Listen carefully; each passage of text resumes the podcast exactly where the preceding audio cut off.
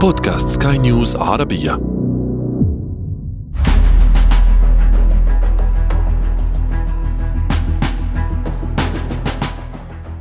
By the end of this year, the transition will be complete, and Afghans will take full responsibility for their security, and our combat mission will be over. America's war in Afghanistan will come to a responsible end. After 20 long years of bloodshed, the events we're seeing now are sadly proof that no amount of military force would ever deliver a stable, united, secure Afghanistan, as known in history as the graveyard of empire.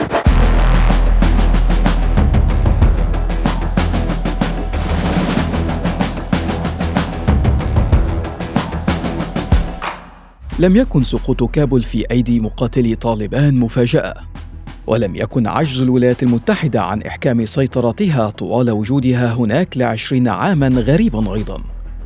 يصف المؤرخون والساسة وحتى العسكريون أفغانستان بأنها مقبرة الإمبراطوريات. والجملة ليست عبارة في أدبيات السياسة بل حقيقة أوضحها التاريخ.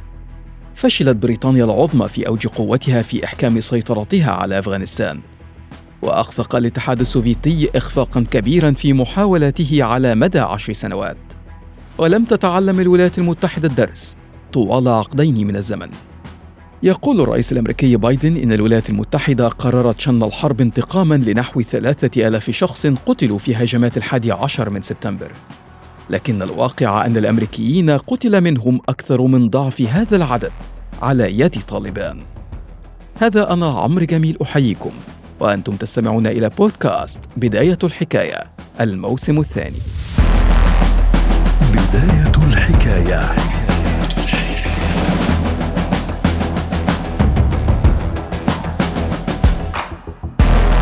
روينا في الحلقة السابقة كيف تحولت أفغانستان من دولة مدنية يحكمها الملك ظاهر شاه وتحظى بحياة برلمانية إلى دولة يتقاسمها أمراء الحرب. كيف انقلب الجنرال محمد داود خان على الملك ظاهر شاه واستولى على السلطة؟ ثم كيف انقلب عليه حزبه وقتله مع أفراد عائلته؟ وكيف قاد ذلك للغزو السوفيتي؟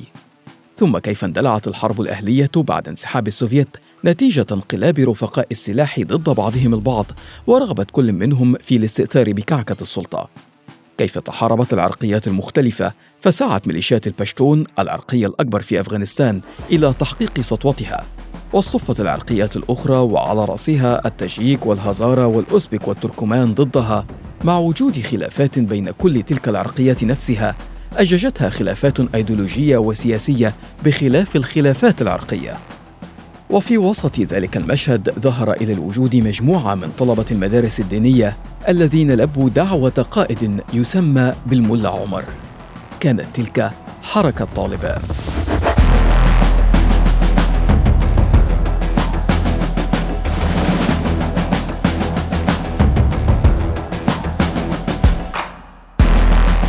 أدرك الملا عمر سأم هؤلاء الشباب من الانصياع لأوامر أمراء الحرب. كما أدرك ما الذي يعنيه إمكانية تنظيم هؤلاء الشباب الذين شارك كثير منهم في القتال ضد القوات السوفيتية تحت لواء جماعة واحدة. استجاب عدد كبير من هؤلاء الطلبة أو طالبان بلغة الباشتو لدعوة الملا عمر. رفعوا شعار استعادة السلام والأمن في مناطق البشتون الممتدة في جنوب البلاد على الحدود بين أفغانستان وباكستان وتطبيق الشريعة الإسلامية في المناطق التي سيسيطرون عليها. كان اللافت هو حجم المكاسب التي حققها هؤلاء الطلبة في فترة وجيزة للغاية. ففي عام 1994 أي نفس عام نشأتهم نجحوا في السيطرة على إقليم قندهار معقل الملا عمر وفي سبتمبر من عام 95 وسعت طالبان نفوذها إلى مقاطعة هيرات المتاخمة لإيران. وبعد عام واحد فقط من ذلك التاريخ استولوا على العاصمة كابول وأطاحوا بنظام الرئيس برهان الدين رباني أحد قادة المجاهدين ضد الغزو السوفيتي. وبحلول عام 98 كانت طالبان تسيطر على 90% من أراضي أفغانستان. حدث كل ذلك في وقت كان كثير من الميليشيات الأخرى قد توقفت عن القتال وتحالفت ضد طالبان. يرجع البعض ذلك الاجتياح السريع إلى سأم الأفغان من تجاوزات المجاهدين والاقتتال الداخلي بعد طرد السوفيت كما يرجعونه إلى نجاح الحركة في القضاء على الفساد وكبح الفوضى وجعل الطرق والمناطق الواقعة تحت سيطرتهم آمنة لازدهار التجارة. لكن طالبان في المقابل طبقت فهمها الخاص للشريعة. فطبقت الإعدام العلني للقتلة والزناة وبترت الأطراف لمن ثبتت إدانتهم بالسرقة وأجبرت الرجال على إطلاق اللحى والنساء على ارتداء البرقع. ومثل ذلك التطبيق فرصة لجماعات جهادية عدة من أنحاء مختلفة من العالم للتوجه نحو أفغانستان. كان على رأس تلك الجماعة القاعدة بزعامة أسامة بن لادن. وفرت طالبان ملاذا آمنا للقاعدة. لاتفاقهم العقائدي وفهمهم المشترك للشريعة. كانت العلاقة بين طالبان والولايات المتحدة قد اتخذت منحا مغايرا عما بدأت به. فمن الدعم الأمريكي المادي والعسكري الذي حظى به المجاهدون ضد الغزو السوفيتي إلى غض الطرف الأمريكي عنهم بعد خروج السوفيت ثم إلى العداء نتيجة لرفض الحركة لمواقف الولايات المتحدة في قضايا الشرق الأوسط ثم إيوائهم أسامة بن لادن وقادة القاعدة. وعندما وقعت أحداث الحادي عشر من سبتمبر في الولايات المتحدة مثل ذلك بداية فصل جديد في العلاقات الأمريكية مع طالبان. فصل أعلن عنه الرئيس الأمريكي آنذاك جورج بوش الابن. بناء على أوامر مني بدأ الجيش الأمريكي بتوجيه ضربات ضد معسكرات تدريب الإرهابيين التابعة للقاعدة والمنشآت العسكرية لنظام طالبان في أفغانستان. تهدف هذه الأعمال الموجهة بدقة إلى تعطيل استخدام أفغانستان كقاعدة إرهابية للعمليات ولمهاجمة القدرة العسكرية لنظام طالبان. انضم إلينا في هذه العملية أصدقاؤنا المخلصون في بريطانيا العظمى. وتعهد أصدقاء مقربون آخرون بما في ذلك كندا وأستراليا وألمانيا وفرنسا بإرسال قوات مع بدء العملية. منحت أكثر من أربعين دولة في الشرق الأوسط وأفريقيا وأوروبا وعبر آسيا حقوق العبور الجوي أو الهبوط. نحن مدعومون بالإرادة الجماعية للعالم. منذ أكثر من أسبوعين قدمت لقادة طالبان سلسلة من المطالب الواضحة والمحددة. إغلاق معسكرات تدريب الإرهابيين تسليم قادة شبكة القاعدة وإعادة جميع الرعايا الأجانب بمن فيهم الأمريكيون المعتقلين ظلما هناك. لم يتم تلبية أي من هذه المطالب.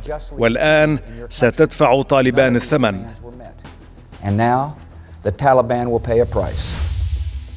كان من الصعب حتى على طالبان أن تتصدى لآلة الحرب العملاقة تلك. وفي السابع من أكتوبر من عام 2001 وبقصف جوي هائل واجتياح بري هرب قادة الحركة من كابول وأعلن بوش نهاية حكم طالبان.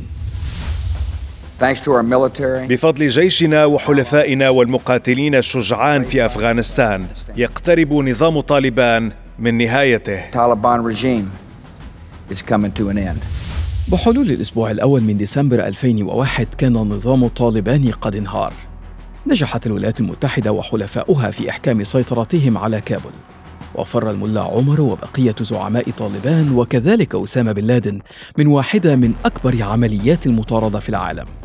عادوا إلى معاقلهم التي يعرفونها جيدا. الجبال الواقعة بين باكستان وأفغانستان.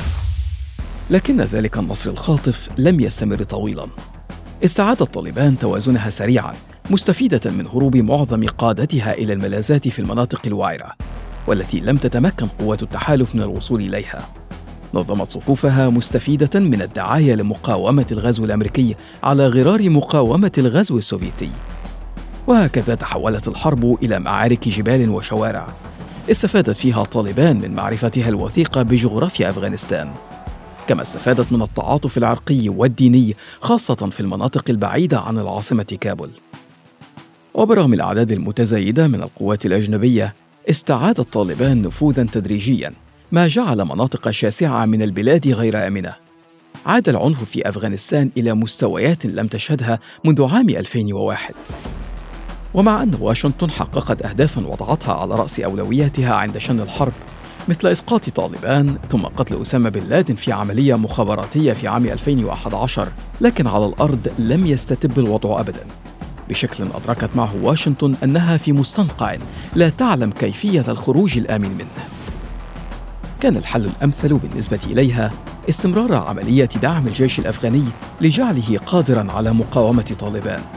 وهي استراتيجية مثلت سبيل الخروج بالنسبة لإدارة أوباما الذي ورث الحرب عن بوش. بالنسبة للكثيرين منكم ستكون هذه هي جولتكم الأخيرة في أفغانستان. وبحلول نهاية هذا العام ستكون المرحلة الانتقالية قد اكتملت وسيتحمل الأفغان المسؤولية الكاملة عن أمنهم. وستنتهي مهمتنا القتالية. ستصل حرب أمريكا في أفغانستان إلى نهاية مسؤولة لكن على أرض الواقع فإن ذلك لم ينهي عناء القوات الأمريكية وحلفائها في أفغانستان. حتى عندما تمكنت القوات الأمريكية في عام 2016 من قتل الملا أخطر منصور خليفة الملا عمر الذي مات مطاردا في عام 2003 لم ينهي ذلك مقاومة الحركة للوجود الأمريكي. أدركت واشنطن أن لا سبيل للنصر في أفغانستان. وبتولي الرئيس دونالد ترامب الإدارة الأمريكية اتخذ قرارا مفصليا بالدخول في مفاوضات مع الحركة. وقع معهم اتفاقا في فبراير من عام 2020 تنسحب بمقتضاه القوات الأمريكية والدولية من أفغانستان. كانت أمريكا تعول على الجيش الأفغاني الذي سلحته ودربته على مدار عشرين عاما. لكن غياب استراتيجية عسكرية واضحة أو عقيدة قتالية واضحة فضلا عن انتشار الفساد بين القيادة العسكرية الأفغانية كانت كلها أسبابا يقول متخصصون عسكريون إنها جعلت من الجيش الأفغاني مجرد نمر من ورق. نمر انهار أمام مقاتلي طالبان بمجرد بدء انسحاب القوات الأمريكية من أفغانستان. وفي الخامس عشر من أغسطس دخل مقاتلو طالبان إلى كابول التي طردوا منها قبل عشرين عاما. عادوا ليفتحوا صفحة جديدة في تاريخ أفغانستان المليء بالدماء. بداية الحكاية.